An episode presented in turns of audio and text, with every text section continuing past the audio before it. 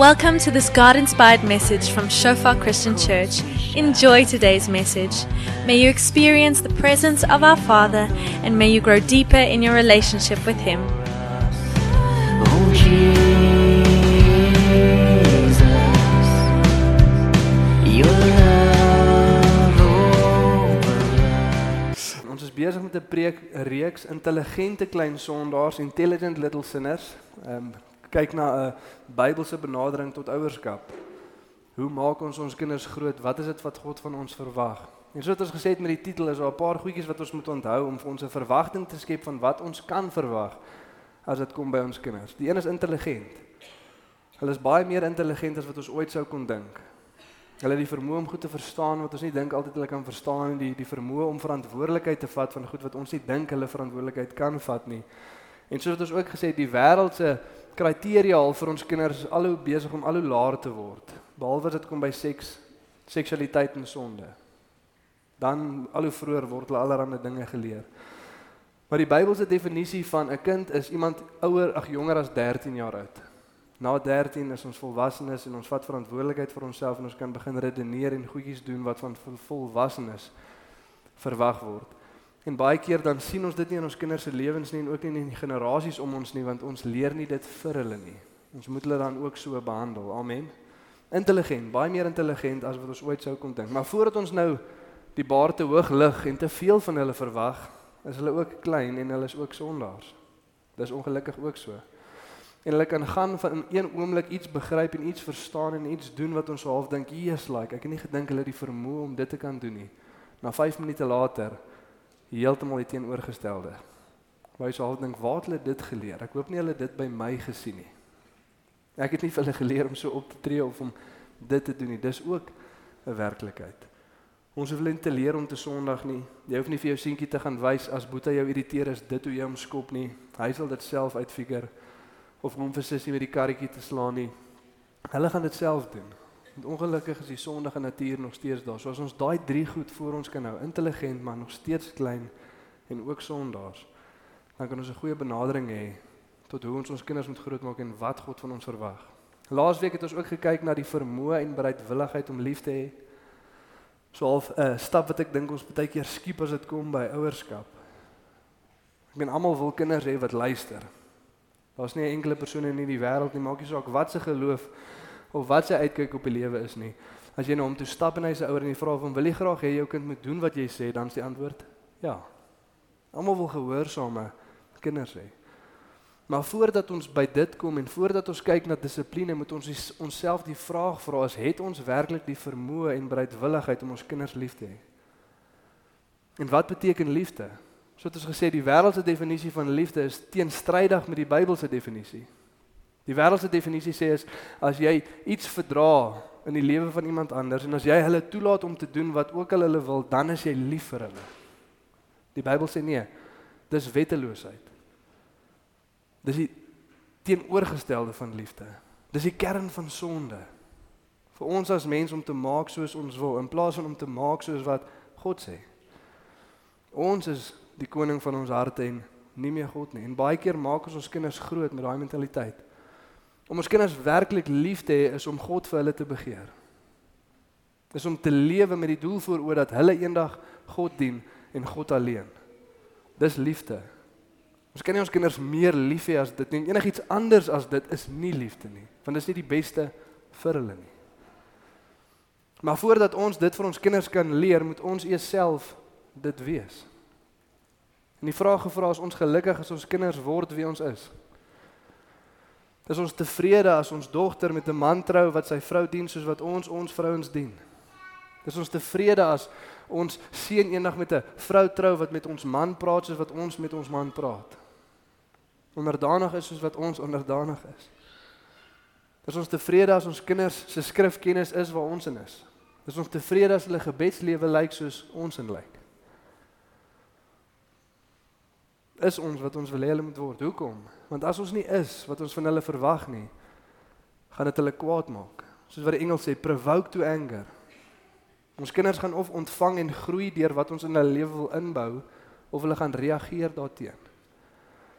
En die reaksie is woede of depressie. Een van die twee.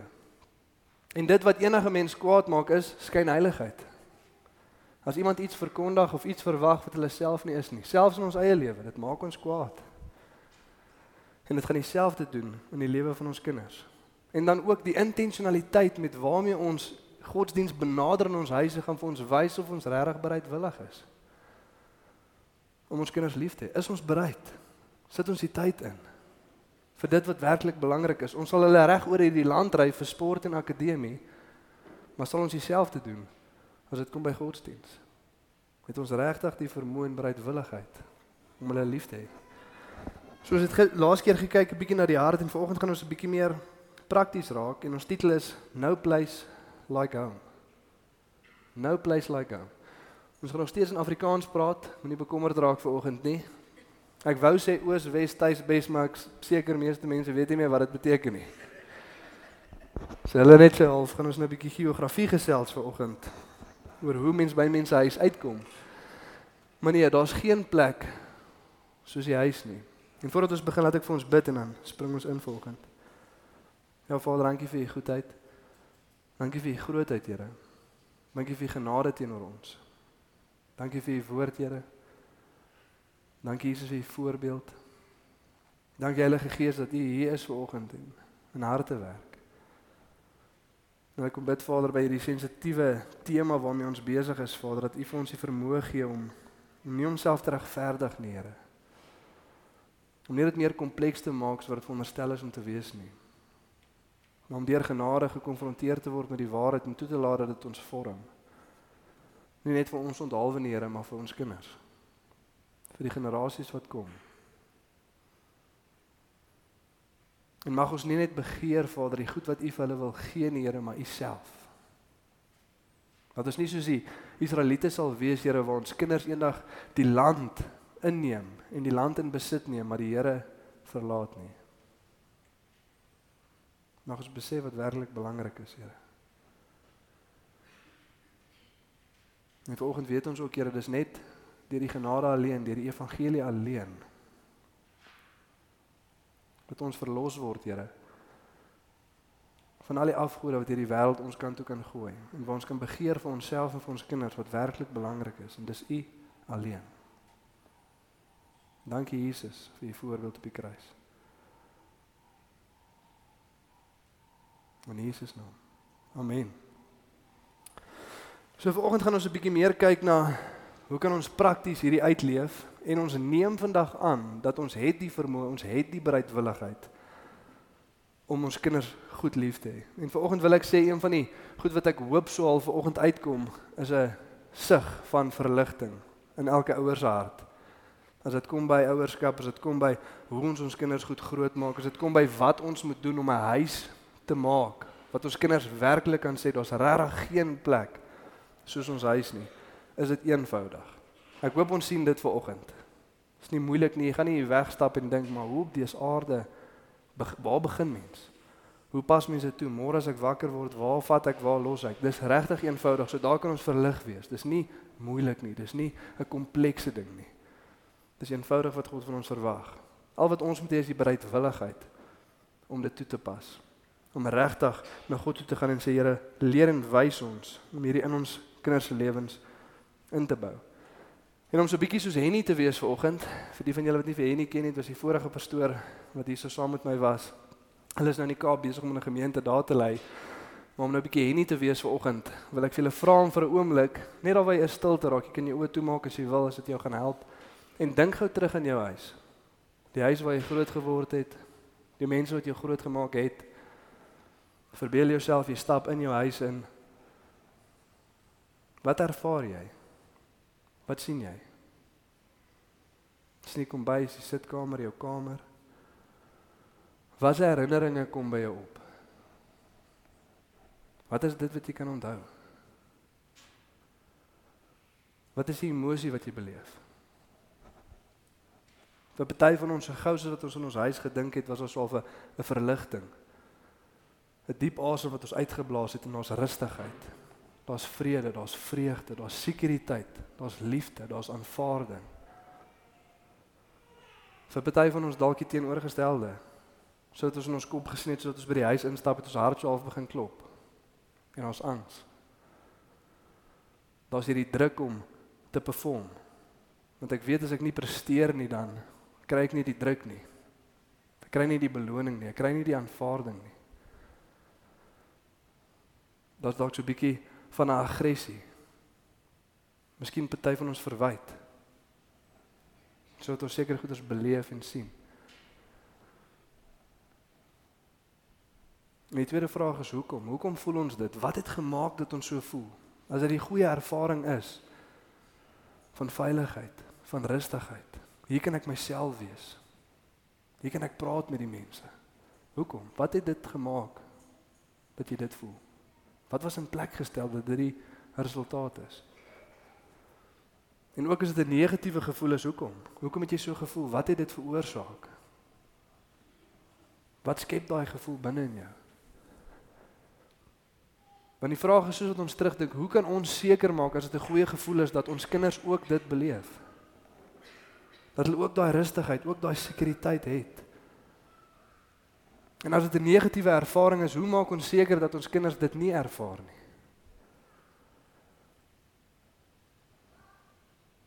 Julle kan julle ouma weer oopmaak. Miskien want een van die interessantste goed vir my as mens is hoe ons as mensdom in een area van lewe kan sien en vooruit kan sien en kan weet as ek nou hierdie goeders doen konstant gaan daai die resultaat wees. Ek weet dit, ek besef dit. Skrif sê wat ook al ons saai sal ons maai. Wat ook al ons in die grond sit, dit gaan groei.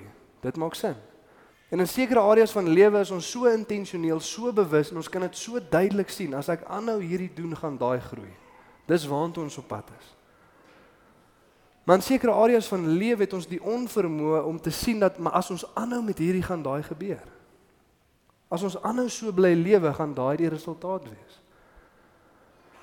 Een goeie voorbeeld is 'n generasie wat gesê het kinders moet gesien word, maar nie gehoor word nie.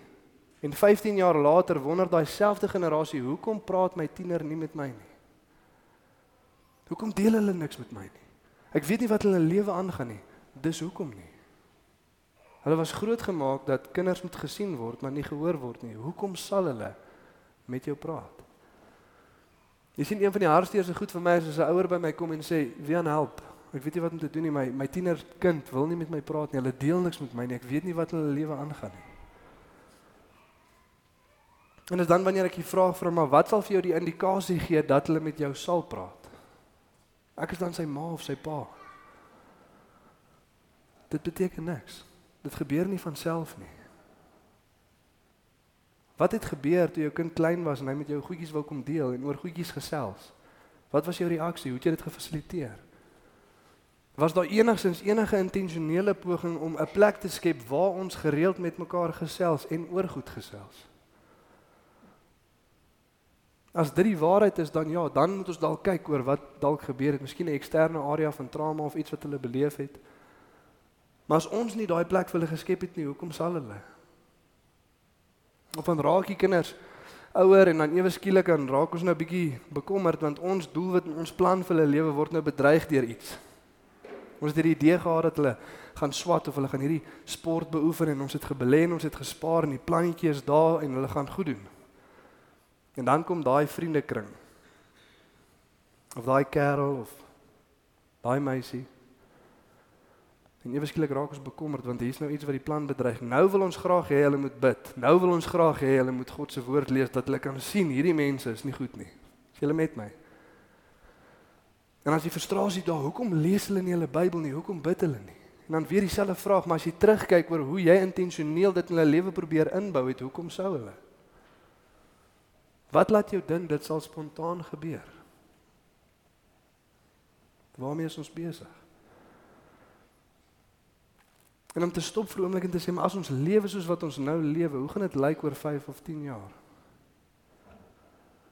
En nie om te lewe met 'n 5 of 'n 10 jaar plan nie, maar om onsself die vraag te vra, as ons nou mee besig wat ons graag dan wil sien. Sit ons in die grond wat ons graag wil hê moet opkom. Want die rede hoekom goed groei, sê God, is want ons plan dit. Wat ook al 'n man saai, dit sal hy maai. Wat ook al ons in die grond sit, dit sal uitkom. Tomatie maak 'n tomatie. Gaan elke keer so wees. En op daai noot is dit baie belangrik vir die van ons wat oumas en oupas is vanoggend om ook hierdie te verstaan. In jou kinders se lewe en in jou kleinkinders se lewe. Is dit oukei okay, die manier hoe jy met hulle is, dit wat jy vir hulle leer, dit wat jy vir hulle wys as iemand anders met 'n alternatiewe intensie dieselfde manier met hulle is? En wat ek bedoel daarmee is baie keer het oupas en oumas hierdie sê ding van dis nie hulle werk om die kinders groot te maak nie, hulle is daar om te bederf, jy met my. Hulle moet bederf, hulle moet allerlei ander goedjies doen en ja, dit is nie primêr jou verantwoordelikheid om daai kinders groot te maak nie. Maar 'n oupa en 'n ouma het die vermoë om of te versterk of af te breek wat ma en pa wil inbou in daai kinders se lewe. Ek meen dink gou mooi daaraan, dit wat ons hulle besig is om te wys. Ons het die vermoë as oupas en oumas om vir ons kinders te wys dat dit wat by die huis gebeur, dit wat ma en pa probeer inbou, konsekwent is. Dit is op 'n ander plek ook so. Net omdat hulle nie daar is nie, beteken dit nie ons kan nou anders optree nie. Of ons kan vir hulle presies die teenoorgestelde leer. Hoe baie keer het ons dit al gesien? 'n Oupa en ouma wat direk die ouers se autoriteit dismis. Nee, ons gaan nie. Wat wys jy vir daai kind? Of 'n oupa en 'n ouma wat vir die kind sê ek weet mamma en pappa het gesê ons moenie hierdie nie, ons moenie daai kyk nie, ons moenie hierdie eet nie, maar ons gaan dit doen. Moet hulle net nie sê nie. Besef gou wat leer jy vir daai kind?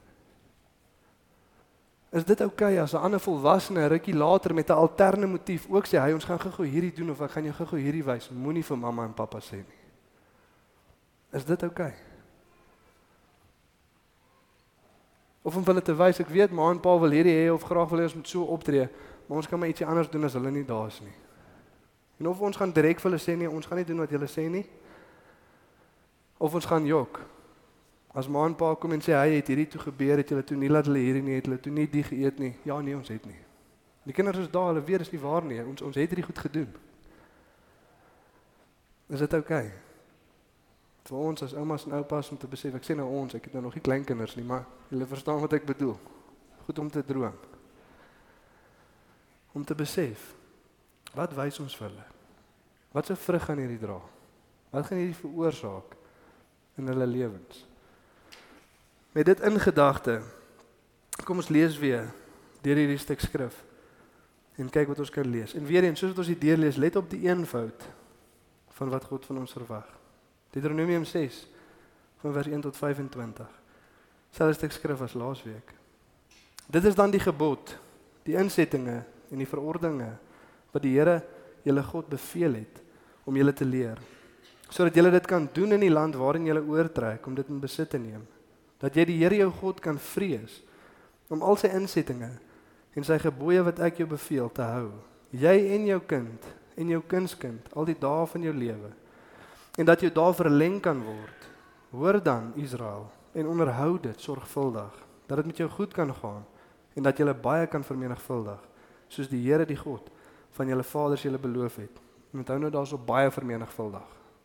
Ons is nou op pad na nommer 3 toe soos amper by nommer 4. As die Here sê wees vrugbaar en vermeerder, be fruitful and multiply 2 maal 2 4. Ek weet ons het dit al 'n paar keer gesê, ons kan nie net hierdie een of twee kind ding doen nie, daar moet ek maak dit 'n grapie julle.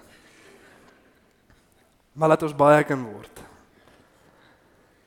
'n Land wat oorloop van melk en honing. Hoor Israel, die Here ons God is 'n enige Here. Daarom moet jy die Here jou God lief hê met jou hele hart, met jou hele siel en met al jou krag. En hierdie woorde wat ek jou vandag beveel moet in jou hart wees. En jy moet dit jou kinders inskerp en daaroor spreek as jy in jou huis sit en as jy op die pad is en as jy gaan lê en as jy opstaan. Ook moet jy dit as 'n teken bind op jou hand en dit moet as 'n voorhoofsband tussen jou oë wees. En jy moet dit op jou deurposte van jou huis en op jou poorte skryf. En as die Here jou God jou inbring in die land wat hy jou aan jou vaders Abraham, Isak en Jakob met 'n eed beloof het, om jou te gee, groot en mooi stede wat jy nie gebou het nie, en huise vol allerlei goed wat jy nie gevul het nie, en uitgekapte reënbakke wat jy nie uitgekap het, wingerde en olyfbome wat jy nie geplant het nie, en jy eet en versadig word, neem jou dan in ag dat jy die Here nie vergeet wat jou uit Egipte land, uit die slawehuis uitgelei het nie. Jy moet die Here jou God vrees en hom dien en by sy naam moet jy sweer. Julle mag nie agter ander gode aanloop uit die gode van die volke wat rondom julle is nie, want die Here jou God is 'n jaloerse God by jou sodat die toorn van die Here jou God nie teen jou ontvlam en hy jou van die aarde verdelg nie. Julle mag die Here julle God nie versoek soos julle hom by Massa versoek het nie. Julle moet die gebooie van die Here julle God en sy getuienisse en sy insettinge wat hy jou beveel het, ywerig onderhou. En jy moet doen wat reg en goed is in die oë van die Here, dat dit met jou goed kan gaan en jy kan inkom en besit neem die goeie land wat die Here aan jou vaders met 'n eed beloof het. Terwyl hy al jou vyande voor jou uitverjaag, soos die Here gespreek het. As jou seun jou later vra en sê, "Wat beteken die getuienisse en die insettinge en die verordeninge wat die Here ons God julle beveel het?"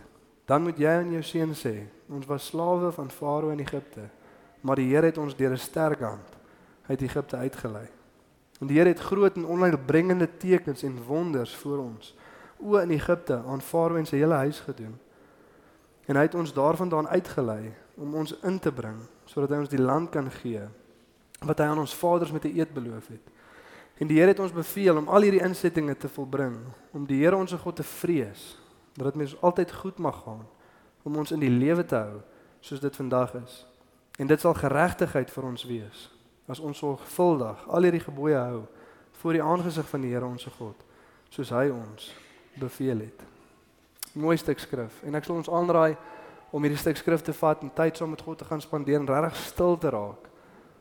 Saam God met hierdie stuk skrif, lekker daardeur te werk, mooi te prosesseer. Want baie keer het ons die inligting, maar iets gebeur nie. Ek weet nie of julle dit al beleef het nie. Ek meen as ons al die preke wat ons al ooit gehoor het toegepas het, sou wonderlik wees. Maar is ongelukkig nie altyd die waarheid nie. Hoekom? Want ons gaan sit nie stil en raak stil en laat toe dat God regtig oortuiging kom vorm in ons hart nie.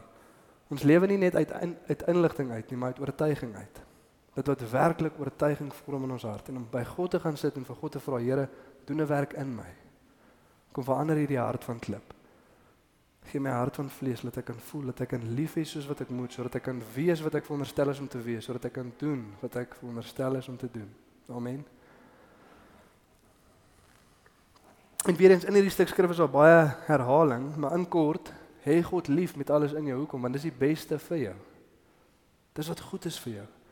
Vrees die Here deur hom te gehoorsaam. Hoekom? Want dit is wat die beste is vir jou. Dit is wat goed is vir jou. Leer dit vir jou kinders. Hoekom? Want dit is die beste ding vir hulle. Dis goed vir hulle. Getuig van die werk wat God in en deur ons lewe doen. Hoekom? Want dit is goed vir ons en is goed vir die wat hoor. Dis wat die Here vir ons besig is om te sê. So kom ons draai weer met die oog op dit na die kernverse en kyk wat ons prakties kan leer sodat ons hier hierdeur werk. Vers 4, vers 6. Hoor Israel, die Here ons God is 'n enige Here. Daarom moet jy die Here jou God lief hê met jou hele hart, met jou hele siel en met al jou krag. En hierdie woorde wat ek jou vandag beveel, moet in jou hart wees. Daai Hebreëse woordjie daarso vir hart, siel en krag is wil, intellek, emosies en aksies. Dis wat God daar sê. In die Griekse weergawe is Jesus praat in Markus 12 vers 30 dink ek en sê dieselfde, maar hy sê ons moet die Here lief hê met ons hele hart, ons hele siel, al ons krag en ons hele verstand. Elke liewe deel van ons. En in kort wat dit beteken is dat ons God moet lief hê met alles in ons en dit sal sigbaar wees want ons is aan God gehoorsaam omdat ons wil wees. Omdat ons wil wees. Dis nie net ons aksies wat belyn met God se woord nie, maar ons wil, ons emosies en ons intellek.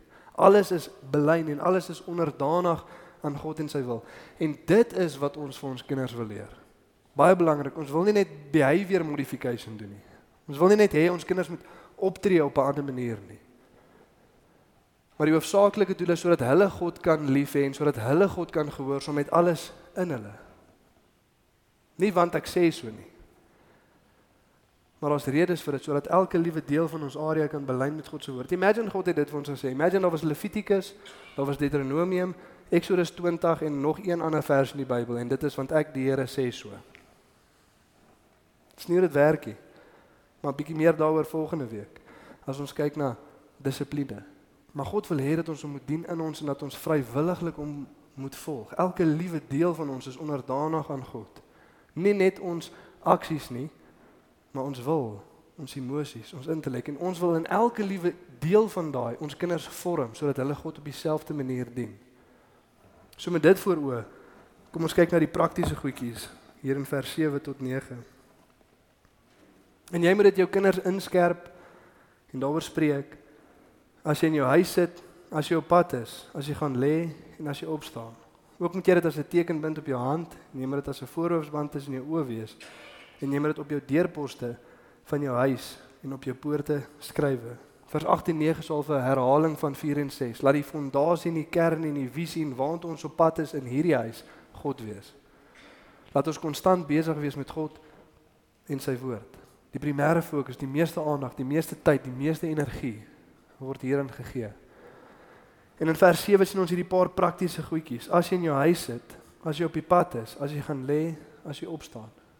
Met ander woorde, elke liewe geleentheid wat ons het, kom ons gebruik dit om vir ons kinders te wys en te leer dit wat werklik belangrik is. Hoekom? Eerstens, ons het net een kans om ons kinders groot te maak. Ons geen reset knoppie nie, ons kan nie hierdie nie oor doen nie, ons kan nie tyd terugdraai nie. En as die skrif vir ons sê maak die beste gebruik van die tyd van die dae is boos, nêrens is dit belangriker as hier nie. Make good use of the time for the days are evil. Koop die tyd uit want die dae is boos. Nêrens is dit meer belangriker as hier nie. Ons 'n storie van 'n Amerikaanse coach en sy span het nou al 'n paar kampioenskappe gewen en hulle is hierdie jaar op pad om weer 'n kampioenskap te wen. En op die toppunt van hierdie persoon se loopbaan, 'n paar weke voor die finale game, bedank hy sy werk.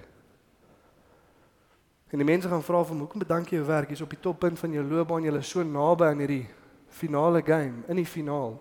Hoekom bedank jy jou werk?" En hy sê want eendag na oefening is ek op pad huis toe.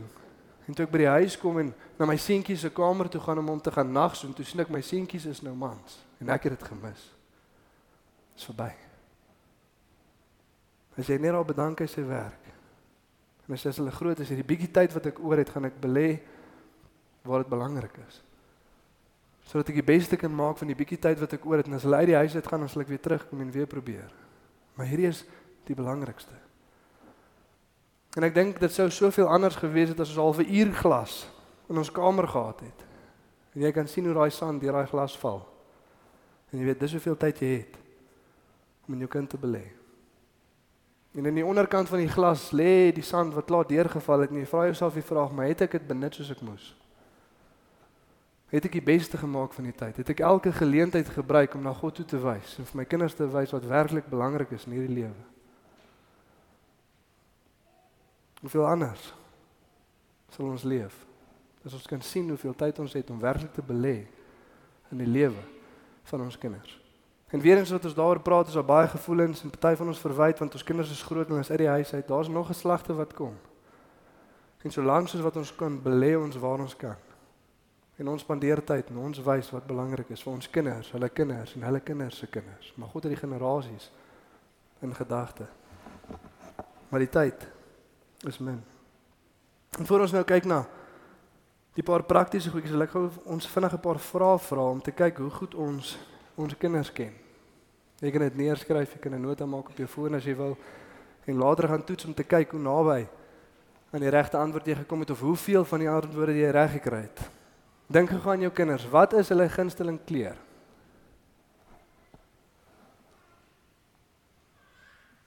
Party van ons soos ek weet nog nie of hulle kleur kan sien nie. Wat ook al kleur die speelding voor hom is. So op die oomblik sy gunsteling. En weer eens afhangende van ouderdom gaan die diepte en die verskil tussen die vrae ook 'n bietjie bepaal en beïnvloed. Jou kind se gunsteling dier. Dis wat? Niks cheatings nie. Ek sien aan die agterkant man en vrou mag nie praat nie, hulle moet julle eie vrae beantwoord. Dit men hulle is nou al op 4, so dit is 'n bietjie complicated. Wat is hulle gunsteling liedjie?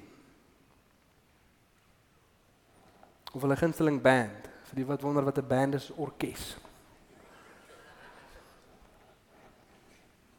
En waaroor gaan daai liedjie? Waaroor skryf daai band? Want baie keer probeer ons ons kinders uitfigure en val op sekere stadiums van lewe raak dit 'n bietjie moeilik. Maar hoekom luister ons sekere liedjies? Hoekom hou ons van sekere bands? Of daai liedjie wat kom en jy luister hierdie ding op repeat vir 'n ruk lank en dit tref jou, dit, dit doen iets. Hoekom? Daar's iets relevant daarvan in die oomblik in jou lewe op die oomblik. Dit spreek met iets van jou, iets wat jy ervaar, iets wat jy voel, iets wat jy beleef en dieselfde is waar van ons kinders. As hulle daai liedjie like, as hulle hom die hele tyd luister, daar's 'n rede hoekom. As hulle daai band se musiek luister, daar's 'n rede hoekom. Hulle identifiseer met iets van dit. Iets van dit praat met hulle, iets daarvan is relevant. Om daarna te gaan kyk. Waaroor is hulle passievol? Wat maak hulle opgewonde? Waaroor is hulle passievol? En weer eens vir party is dit modder op die oomblik. En of hulle dit kan eet, dan is hulle heavy excited. My seentjie kom sê so 'n paar dae terug vir vir Robin, "Mamma, moenie vir ons stokkie lekkers gee nie want dit maak ons super happy," sê hy. Hy bedoel dit maak hulle bietjie hiperaktief. Maar weet jy dan ons altyd nie te vriendelik baie keer as hulle so hiperaktief is nie. Ons moet eerder nie hierdie stokkie lekker goeders doen nie. Maar dis wat hulle passief wil maak op die oomblik. Wat is hulle grootste vrees? Tans. Wat is hulle grootste vrees tans? Weer eens afhangende van waar hulle is, mag dit dalk verskil. Weer eens van ons grootste vrese vir die kinders is dat dit môre reën.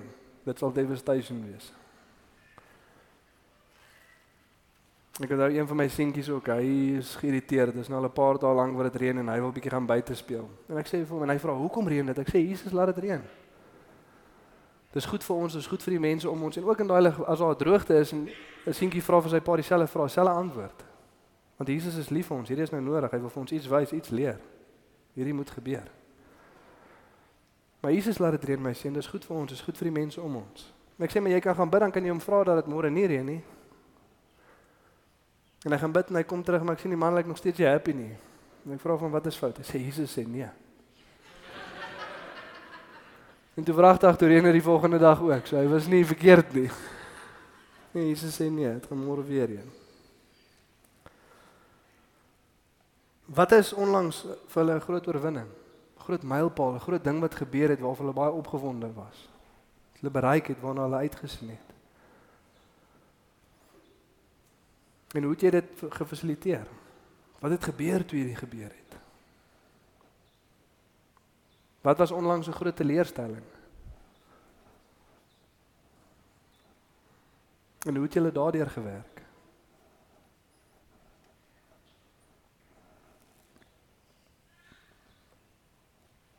Waaroor bid hulle? Waaroor bid hulle? En onthou al het ons goeie intensies, jy kan nog steeds nie hulle dagboek lees nie, né? Net gooi dit net daar buite. Kan nie gaan indring en gaan kyk wat daar aangaan nie. Maar waar bid hulle? Want dit gaan ook vir ons 'n indikasie gee van wat regtig belangrik is. Wat hulle regtig graag wil hê. Selfs my tweeetjies so klein soos wat hulle is, val Shailin, kyk as hy regtig ietsie wil hê, hy werk hom aan die gebed in. Hy wil hê Jesus moet ons bietjie oortuig, ons wil badplaas toe gaan en ons wil bietjie hierdie hê en ons wil bietjie daan toe gaan. En hulle praat baie keer oor baie goed, maar daai spesifieke ding, hy sal daaroor bid. Hierdie moet gebeur. As Jesus hom hiermee kan help, dan dan sal hy happy wees. Maar wat is daai goed? En weer eens verskillende emosies miskien volgens. Party van ons lag en dink, "Wow, Jesus, dis great, ek kan van hierdie vrae antwoord." Miskien dink jy dis reg, jy gaan nou-nou dalk 'n bietjie ander verrassing kry as jy gaan vra oor die vraag wat jy gevra het. Mag dit dalk 'n bietjie anders uitkom. En party van ons besef dalk, "Shucks, maar ek weet nie." En weer eens om baie eerlik met ons te wees vanoggend, hoekom weet ons nie? Ons wil nie weet nie. Of ten minste wou ons nie weet nie. Nou dat ons wil weet, dit te laat. Maar skep moed, God kan genees. God God kan herstel. Amen. Maar ons ervaar verskillende goedjies. Ek nou weer eens, kom ons kyk na hierdie paar praktiese goeder wat ons in hierdie vers kan sien, wat ons kan toepas. As ons regtig 'n huis wil hê waar daar geen plek soos ons huis is nie. En net vinnig voordat ons daar induik net 'n vinnige punt. Ons wil nou en dan vir ons kinders wys dat ons weet hulle bestaan en hulle is belangrik. Amen. Hoe doen mense dit? Die Bybel sê daar gaan 'n seëning wees op jou kom en jou gaan. En jy's dit. Wat gebeur as jou kind by die huis aankom? Of jou man of jou vrou for that matter. Wat gebeur as iemand by die huis aankom? Dink terug in jou huis, wat het gebeur as jy by die huis aankom? 'n Party van ons niks. Niks het gebeur, die voordeur het oopgegaan want ek het hom oopgemaak. En toe het ek ingestap en wie ook al was waar ook al. As 'n mens iewers aankom wat jy graag van hou, jy's lief vir hulle en jy wil vir hulle wys hulle is belangrik, wat doen jy? Jy los waarmee jy besig is. Jy staan op, jy gaan na hulle toe, jy sê vir hulle hallo. Hoe was jou dag? Ek het jou lief. Jy gee hulle soen, jy gee hulle druk. Of hulle opstaan of hulle van die skool af kom, of hulle by die huis kom na werk, Hey, ek wil net hê jy weet ek like jou kwaai en ek dink jy's belangrik. Amen. Dis klaar 'n goeie plek om te begin. Om nie van iewers waar ook al jy is net 'n woord of 'n ding te sê nie, maar staan op, los waarmee jy besig is en wys vir hulle dat hulle is eintlik belangrik. Wys vir hulle dat jy's eintlik lief vir hulle. Amen. Ek ken nou 'n paar vinnige dinge. As jy in jou huis sit, as jy op pad is, as jy gaan lê, as jy opstaan. Eenvoudig. Kom ons kyk na wat die Bybel bedoel as hulle oor hierdie goedjies praat en hoe ons dit kan toepas. Die mees komplekste een is seker as jy op pad is. So ons sal op die einde na hom kyk, maar daar's ook die onvermydelike uitvloei van as ons die ander 3 goeters doen of wat ons by die ander 3 goeters doen. Van dan gaan uitvloei as ons op pad is. So die eerste enetjie dan, as jy in jou huis sit. As jy in jou huis sit, party van hulle het te doen met emosionele intelligensie, ander een met verstand en dissipline. Hierdie een vir my is bietjie meer emosionele intelligensie om met mekaar te gesels en ook mekaar te leer van emosies en wat maak ons met emosies. Maar vinnige vraag, waar sit jy in jou huis? Gou in jou kop, jy en jou familie almal sit saam iewers. Waar sit julle waarmee julle besig? In die huis waar jy groot geword het, weer eens, julle sit iewers, wat doen julle? As jy dink aan ons sit by die huis, waar sit jy, waarmee is jy besig, wat doen jy? Want waarvan die Bybel hierso praat is hoofsaaklik saam eet. Hoofsaaklik saam eet nie net dit nie, maar ten minste dit. En weer eens as dit kom by 'n goeie huis vir ons kinders skep waar hulle regtig voel hulle word gehoor, hulle kan praat, hulle weet hoe emosies werk, wat om daarmee te doen, dan moet hierdie ten minste in plek wees. Ons sit en ons eet saam. Nou vir baie van ons doen ons dit so min dat dit eintlik vreemd. Die enigste ding wat sit saam en eet beteken is is bietjie ongemaklik. Nou sit ons aan ons kyk vir mekaar, ons weet nie lekker wat om te doen nie. Of party van ons sê ons sit saam, maar iemand anders is besig om te praat en dis wie ook al op die televisie is. Is julle met my? Die Bybel praat hierso van 'n gesin wat saam sit om tafel met 'n bord kos voor hulle, hulle kyk vir mekaar. Niks anders is aan nie, daar's geen ander entertainment nie, daar's niks wat ons aandag aftrek nie. Ons is nou hierso by mekaar. En wat is veronderstel om daar te gebeur? Hoe gaan dit met jou? Hoe was jou dag? Wat het jy ervaar? Wat het jy beleef? Hoe was dit? Waarvoor sien jy uit? Hoekom lyk jy so hartseer? Hoekom lyk jy so opgewonde? Hierdie is veronderstel om te gebeur as ons saam sit nie, ten minste dit. Ander areas ook ja. As jy meer as een kind het ook in individueel en persoonlik saam met elkeen ook op sy eie tyd, maar ten minste hierdie. As 'n gesin. En hier leer ons vir mekaar wat is emosie en wat maak ons daarmee? Ons vat dit na Jesus toe as dit 'n goeie ding is, as dit 'n blye ding is, dan sal lofprysing dan sal danksegging. As daar 'n slegte ding is, dan vra ons vir Jesus om te help. Sodat daar genesing, vergifnis kan wees, sodat ons kan leer om nie dit te doen met ander nie. Is jy met my? En vir ons as ouers in elkeen van hierdie areas moet ons wys dan moet ons leer en dan moet ons help toepas. In vers 4 begin dit ook hoor o Israel, ons moet ook hoor. En dan moet ons deure lief hê en dan moet ons dit toepas. En in dieselfde met ons kinders, moet ons hulle die voorbeeld wys, dan moet ons vir hulle dit leer en dan moet ons hulle dit help toepas. Veral as dit kom by emosionele intelligensie. Hoe werk dit? Hoe hoe deel mens met dit? En vanaand net op dit wil ek ons weer herinner aan vers 20 tot 22, is ook op die bord. Dit sê as jou seun jou later vra en sê, wat beteken die getuienisse? en die insettinge en die verordeninge wat die Here ons God julle beveel het. Dan moet jy aan jou seun sê: Ons was slawe van Farao in Egipte. Maar die Here het ons deur 'n sterk hand uit Egipte uitgelei. En die Here het groot en onheilbringende tekens en wonders voor ons oë in Egipte en aan Farao en sy hele huis gedoen. Waar het ons geleer dat ons nie met ons kinders hieroor kan praat nie? Waar het ons geleer dat ek nie vir my kind kan sê ek het 'n slegte dag nie? Waar het ons geleer dat ons nie vir ons kinders kan sê ek is bekommerd oor iets nie? Ek het 'n fout gemaak, ek is jammer. Wil jy nie vir my bid nie want ons 'n persoon môre waarvoor ek by die werk moet gaan om verskoning vra? Waar het ons dit geleer? En weer eens dan staan ons geskok met die resultaat. Die hele wêreld nou in oproer want mans praat nie oor hulle emosies nie. Hulle maak of alsou okay is, hulle wil sterk wees en dan is die grootste selfmoordslagoffer mans. Hoekom? Waar het hulle dit gesien? Hulle was dit geleer. Jy praat nie oor jou emosies nie. 'n Man huil mos nie.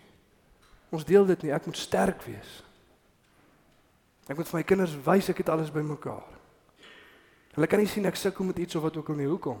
Want die evangelie het ons nog nie bevry van ons hoogmoed en ons trots nie. En ons wil die held wees in hulle oë. Ons is nie. God is. Wat het gebeur? Ons was slawe, my seun. Ons het dit nie gemaak nie. Maar God het ons met 'n sterk hand uit Egipte uitgelei. Hy is die held in die storie.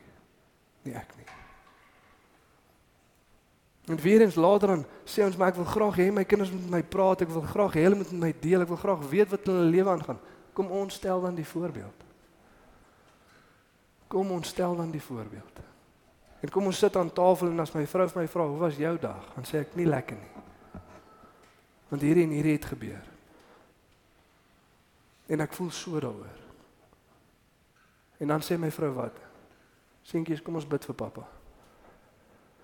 Hy voel nie lekker. Kom ons vra vir die Here om te kom genees om te kom bystaan. Ek's angstig oor hierdie. My seun, kom ons vra vir Jesus. Kom ons bid saam vir jou pa. Sodat God ons kan kom lei, sodat God kan kom voorsien. Maar weet jy as ek eerlik moet wees, ek het vandag verkeerd opgetree. So wil jy nie vir my bid dat God vir my genade kan gee sodat ek môre kan gaan jammer sê waar ek moet jammer sê nie. As jy met my. En nadat ons die voorbeeld stel en draai ons na hulle toe en hoe was julle dag? Wat het julle ervaar? Wat het met julle gebeur? En weer eens afhangende van die ouderdom sal die diepte bepaal van waarmee ons besig is. Val van die van ons wat nog baie klein kinders is, dis ons verantwoordelikheid om hulle te leer wat hulle ervaar. En om baie keer eenkant toe te gaan met hulle te sit op jou skoot en te sê, "Hoe was jou dag nie? Hier het gebeur, die maatjie het dit gedoen, dit het dat gebeur." Nou moet jy hom help. Hoe wat ervaar jy? Hoe dit jou maak voel? Nou moet jy vir hulle leer wat is die verskil tussen aggressie? Wat is die verskil tussen woede, jaloesie, selfsugtigheid? Wat is die wat wat ervaar ons as ons verwyte ervaar of wat wat ervaar ons as ons rejection ervaar? Hoe werk dit? Hoe lyk dit? Nee, boetie nie ander maatjie het my weghardloop sê hulle wil nie met my speel nie. Okay, hoe het jy gevoel? Help om dit definieer. En as jy hom gehelp het dit definieer en sê vir hom, okay, kom ons bid en kom ons vra vir die Here om te kom help. Here kom, help ons dat ons emosie weer onder beheer bring en onderdanig aan U. En nou weer vir emosionele intelligensie. Nou vra jy vir jou 2, 3, 4, 5 jarige hoe ook al oud hy is. Hierdie is hoe jy gevoel het toe hulle dit met jou gedoen het. Het jy ook al dit gedoen? Het jy al ook vir die maatjie weghardloop? Het jy al ook vir hom gesê wil nie met hom speel nie want hy stink? Is jy met my? Die van ons wat kinders het. Het jy dit al ook vir hom gesê? Hoe dink jy daai maatjie gevoel? Dink jy hy dalk dieselfde gevoel as wat jy nou voel? Ja. Hy dink hy dieselfde gevoel. Dis hoekom ons dit nie doen nie. Dis hoekom ons nie so optree nie. En weet jy wat my sê, hoekom dink jy daai maatjie dit gedoen of hoekom dink jy daai persoon so opgetree? Want hulle voel selfverwerp. So in plaas van om kwaad te wees vir hulle, kom ons hê meegevoel. Hy weet dalk nie sy ouers het hom lief nie. Hy weet dalk nie hy's aanvaar nie. En hy's dalk onseker oor homself en dis hoekom hy so optree. So kom ons sê meegevoel, kom ons word nie kwaad nie. Kom ons bid vir daai maatjie. Is jy met my? En nou as hy 16 is, dan kan ek verwag as hy 'n slegte dag by die skool het of hy iets ervaar of hy beleef iets of hy's bang oor iets of hy's opgewonde oor iets dat hy kom en hy praat met my daaroor. Hoekom? Want dis wat ons nog elke dag doen. Hoekom sal dit vandag nou anders lyk? Daar's 'n vrymoedigheid. Nie net deel hy met my nie, maar ek deel met hom. En ons doen nie saam daardeur en ons sien wat ons daarmee kan doen en ons vat dit na die Here toe. En as dit goeie goed is, dan is daar lofprysing en ons danksegging. En as dit slegte goed is, dan nooi ons Here in om ons te kom lei, om ons te kom genees, en ons om te lei om dieselfde te gaan doen vir die mense om ons. Amen. Jy weet ek kan so half dink aan my kinders se koppe as ons nou hierdie storie moet vertel en ons was nou die Israeliete gewees. My seentjie val die die jongste een weer aan. Hy wil net weet wie en wat is die sterkste. Is 'n tier sterker as 'n leeu en kan 'n leeu 'n bobbejaan omskop en hy wil net weet wat is die sterkste en wat kan wat omskop. En ek's nogal doodseker hy vir my gevra het. Toe pappa al in Egipte was, kon pappa die Egiptenare omskop. En dan moet ek vir hom sê nee my seun. Inteendeel, pappa was bang en passief. Maar God, maar die Here het ons met 'n sterk hand uitgelei. Pappa is nie die held in hierdie storie nie. En jy hoef nie nie bang te wees want ek is by jou nie. Ja, ek is ook daar, so maar God is by jou. En hy sal altyd daar wees. Ek onthou ons ry een keer om die blok met net seker elektriese karretjies gehad wat my ma wil gekoop het, hulle het nog steeds. En hulle ry om die blok en daar's 'n oom wat nou wil uitkom en hierdie ding kyk en hy kyk so na dit. En uh Shailen praat ietsie van 'n monster, my oudste seentjie. En die oom sê my jy hoef nie bang te wees vir dit nie. Hè, pappa skiet seker uh, maak seker al die monsters dood. Hy sê, "Ha, uh, Jesus doen." En daar is die oom sommer stil en hy sê, "Maar Jesus is die held van die storie. Ons is nie." En dit is oukei okay om dit met ons kinders te kan deel. Ek weet nie waar ons geleer het ons nie kan nie. Maar kom ons stel die voorbeeld. En dan 5 jaar, 10 jaar van nou af dan sal die vrug opkom van dit wat ons in die grond gesit het. Maar ons kinders praat met ons want hulle dink ons kan. Amen. En weer eens as jy nou by jouself dink, ek weet nie waar dit in die skedule gaan inpas nie. Dis besig. En ook om vandag vir ons te sê, dis nie 'n een keer 'n week storie nie. Hier is nie een van daai okay, ek weet ons doen dit nou glad nie, so kom ons probeer ten minste een keer in 2 weke en dan een keer in 'n week nie. Nee, jy skuif wat jy moet rondskuif en jy maak hierdie prioriteit. Dis lewe en dood. Wat gaan jy prys gee? Dis 5 van 10 jaar nou of sekere vrug wil hê moet ons nou begin daai saad in die grond sit. Maar jy skuif rond wat jy moet rondskuif, maar hierdie moet gebeur. Hierdie is prioriteit. Ons niks belangriker as dit nie. Maar hierdie moet gebeur. Dan weer terug na vers 7 toe. Daai as jy in jou huis sit, mooi. Mooi gesprekke. Partykeer moeilik want ons weet self nie partykeer hoe om dit te fasiliteer nie. Party van ons wat hierso sit, ons weet self nog nie wat ons ervaar nie want ons was nooit emosionele intelligensie geleer nie. Jy weet nie altyd wat ons ervaar hoe daardeur te werk. So vra vir Here om 'n werk in jou toe kom doen sodat jy vir jou kinders dit kan wys. Amen. En dan as jy gaan lê en as jy opstaan. Hierdie praat van lering, dissipline, tyd in die woord, tyd in gebed. En weer eens die ouderdom sal die formaat die tyd in die diepte van hierdie bepaal. Hoe oud hulle is bepaal hoe lank tyd ons spandeer, hoe diep ons gaan, wat ons bespreek, hoe lank dit vat, wat ek van hulle verwag, wat hulle van my kan verwag.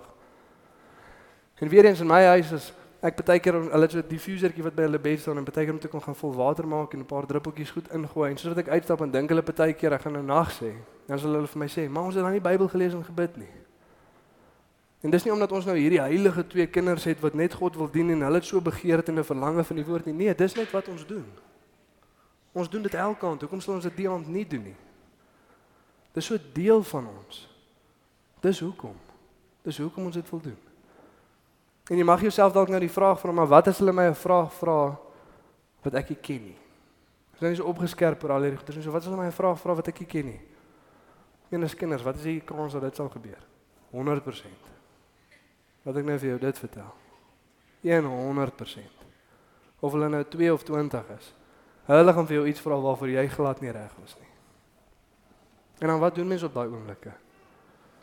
Om hulle te wys dat ons baie slim is, maak jy maar die beste antwoord wat jy kan of weet of dit nou reg of verkeerd is, jy sê dit vir hulle. Nee. Nee, as jy nie weet nie dan sê vir hulle, pappa weet nie. Ek gaan vir jou gaan kyk. Ek sê vir jou gaan uitvind. En dan beter jy gaan uitvind. Dan beter jy gaan uitvind as jy nog 'n dag of twee later nie teruggekom het na jou kind toe en vir hom vertel het wat sy antwoord wat wat die vraag op sy antwoord is nie. Dan moet ons introspeksie doen. Het ons die bereidwilligheid om ons kinders goed lief te hê? Antwoord kan dan ook nie wees want ons sê so of want God sê so nie. Ek wil iemand met 'n pyp slat as hulle dit vir 'n kind sê. Ek's eerlik. Ek's ook 'n sondaar. As iemand daai nuuskierigheid van 'n kind wat wil leer en wat wil weet hoe goed werk en wat ingaan, so onderdruk, dan wil ek dit verloor. Moenie dit doen nie. Moenie dit doen nie. Sê wel en ek weet daar's 'n stadium in kinders lewe waar dit nogal alles is hoekom en hoekom en hoekom en hoekom en hoekom. Jy kan dit so mooi verduidelik wat jy wil, die einde gaan nog steeds 'n hoekom in hê. Maar dan hou ons aan. En ons hou aan en ons hou aan. Hoekom? Want ons kan nie daai onderdruk nie. Hulle wil weet hoe goed werk, hulle wil weet wat aangaan. So dan sit ons in en ons gaan kyk en ons gaan lees en ons gaan leer. En ons maak seker ons het die regte antwoord. Nie die eerste ding wat Google sê nie. Amen.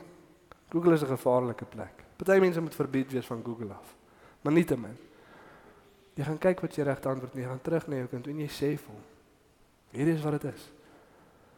En weer eens, hierdie is eenvoudige goeders om in te sit hierso. Tyd nie voor tyd nog bed. Ten minste in die aand as gesin, tyd saam in die woord. Of ten minste as pa. Hoor my volgende, dit is die pa se primêre werk om hierdie te doen, om skrif te lees vir jou kinders, om dit vir hulle te verduidelik en dan gaan daai vrae kom. En baie keer gaan hulle jou net vra vra want hulle wil nog nie gaan slaap nie. En dis ook oukei. Okay. En hulle gaan goed uitdink en jy gaan moeg wees en dan vra jy 'n vraag en dan sê Jesus, maar dit was eintlik gister se storie. Ek's nie seker of ons mag dit vandag antwoord nie. Want ek wil nou ook gaan slaap. Maar jy doen dit en jy antwoord en jy fasiliteer die gesprek en jy wys hulle om te bid en jy leer hulle om te bid.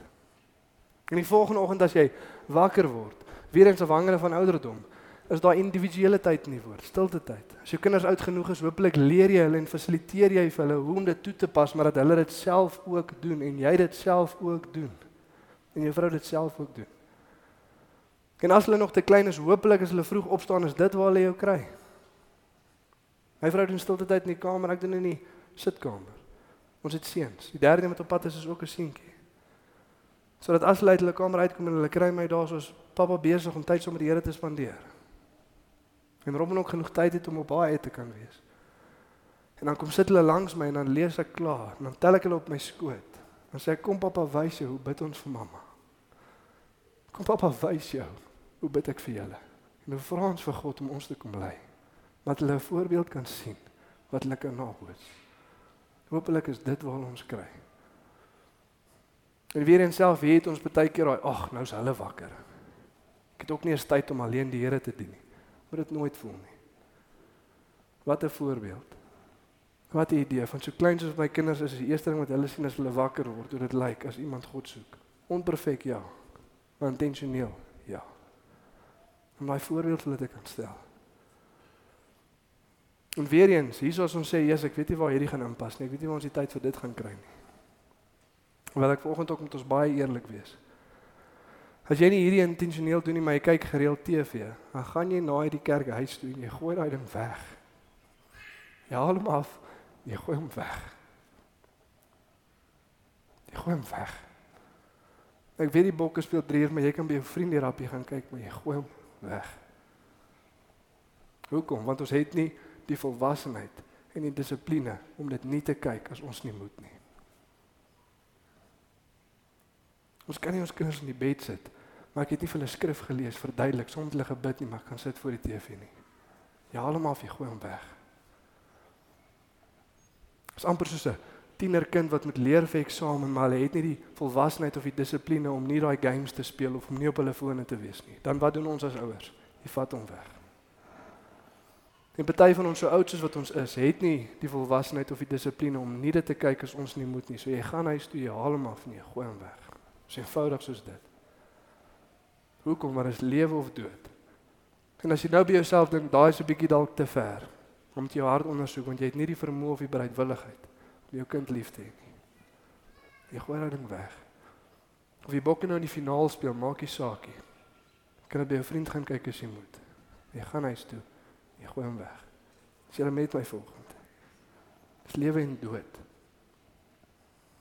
As ons nou en dan 'n stilte tyd wil mis of nie tyd sommer die Here spandeer nie want ons wil TV kyk en een ding doen en ons het 'n kompromie op ons geestelike lewe is dit een ding, maar as dit kom in die lewe van ons kinders, is dit iets anders. Jy gaan huis toe. Jy gooi hom weg. Amen. Om in hierdie plek te stel. En dan die laaste een. As jy op pad is. Net is my die lekkerste een. Dis waar ons eerstens uitleef wat ons by die huis doen. Hier's waar ons prakties uitleef, ons by die huis saam sit. Wanneer ons gaan slaap, wanneer ons opstaan. Om ons kinders te leer dat alles wat ons doen, doen ons vir die Here. Tot glorie van die Here. En soos ons op pad is met ons kinders, is daar elke nou en dan 'n teaching moment, soos wat Jesus gebruik het. Iemand kom vra vir Jesus 'n vraag of die disippels vra 'n vraag hieroor of hierdie gebeur of daai gebeur. Elke oomblik is 'n oomblik om vir ons kinders iets te wys van God, iets te leer van God en vir hom te wys hoe ons God prakties dien in die wêreld daar buite.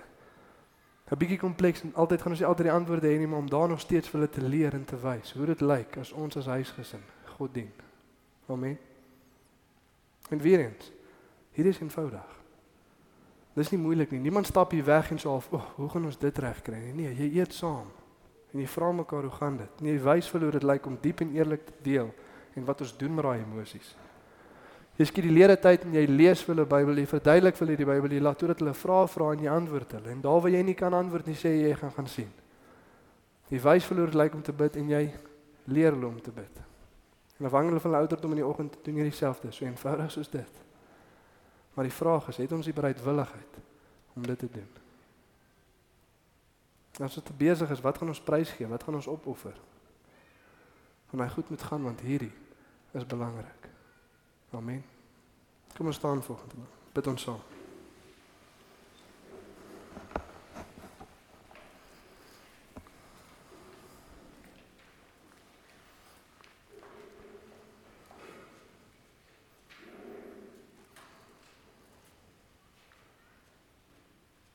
Ja Here, dankie dat ons vanoggend voor U kan kom, Here. Jesus net kan kom dankie sê. Dankie vir U genade, Here. Dankie vir U geduld met ons. Dankie dat U nie opgee nie, Here.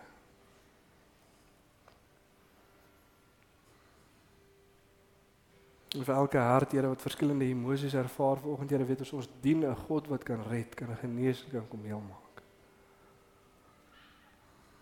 Dankie in die lig, Here, van ons wat onperfekte ouers is, weet ons dat daar is 'n perfekte Vader. En dank aan Jesus se werk op die kruis. Ons is genesing, ons redding.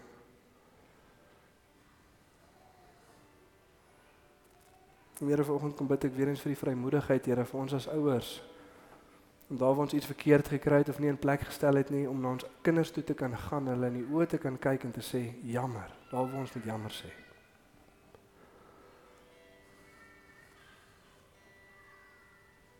En vanoggend ek vir ons ook vra in lig van laasweek se preek. As daar 'n area was waar jy mos jammer sê vir jou kinders, het jy dit toe gedoen? Het jy na hulle toe gegaan, het jy hulle in die oë gekyk, het jy jammer gesê? En as jy nie het nie, hoekom nie? Hoekom is dit so moeilik? En Here ons bid deur genade Vader, sodat ons die evangelie aanskou dat U hoogmoedigheid en trots uit ons harte uit sal kom verwyder ter wille van ons kinders. Maar dat ons daai voorbeeld sal kan stel.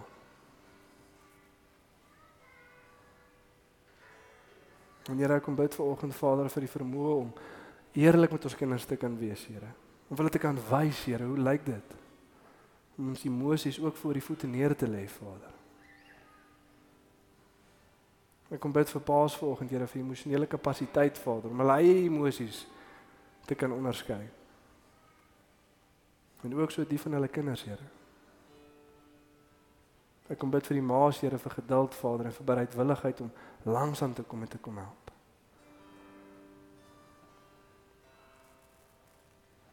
Ek kom bid ook vir elke ouer Here wat daai rol vanoggend alleen moet kom vertolk. En dankie Here dat selfs daar is die genade genoeg. En dankie Here dat ons om ons kyk het ons gemeenskap om ons om ons by te staan.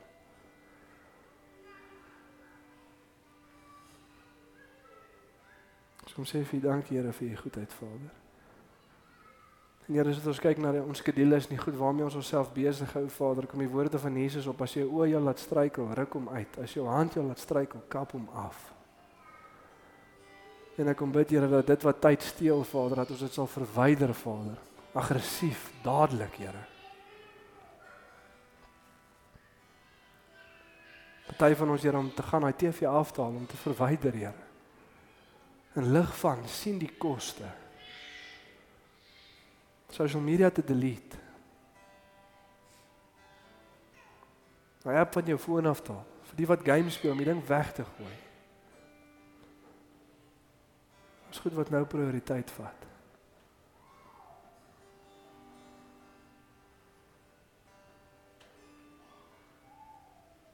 En dankie Here vir die vermoë hier en die kapasiteit en die krag Vader om te wees wat U ons roep om te wees. Heilige Gees kom help. En in die aande Here as ons moeg is en ons is oorlaai en ons wil ook net 'n bietjie afskakel, mag ons ons kinders eers sit, Here. Mag ons hulle lewe inbou, Vader. En as hulle in die bed gaan lê, Vader, dan weet ons maar ek het ook 'n man en 'n vrou. En dan dien ek hulle, Here.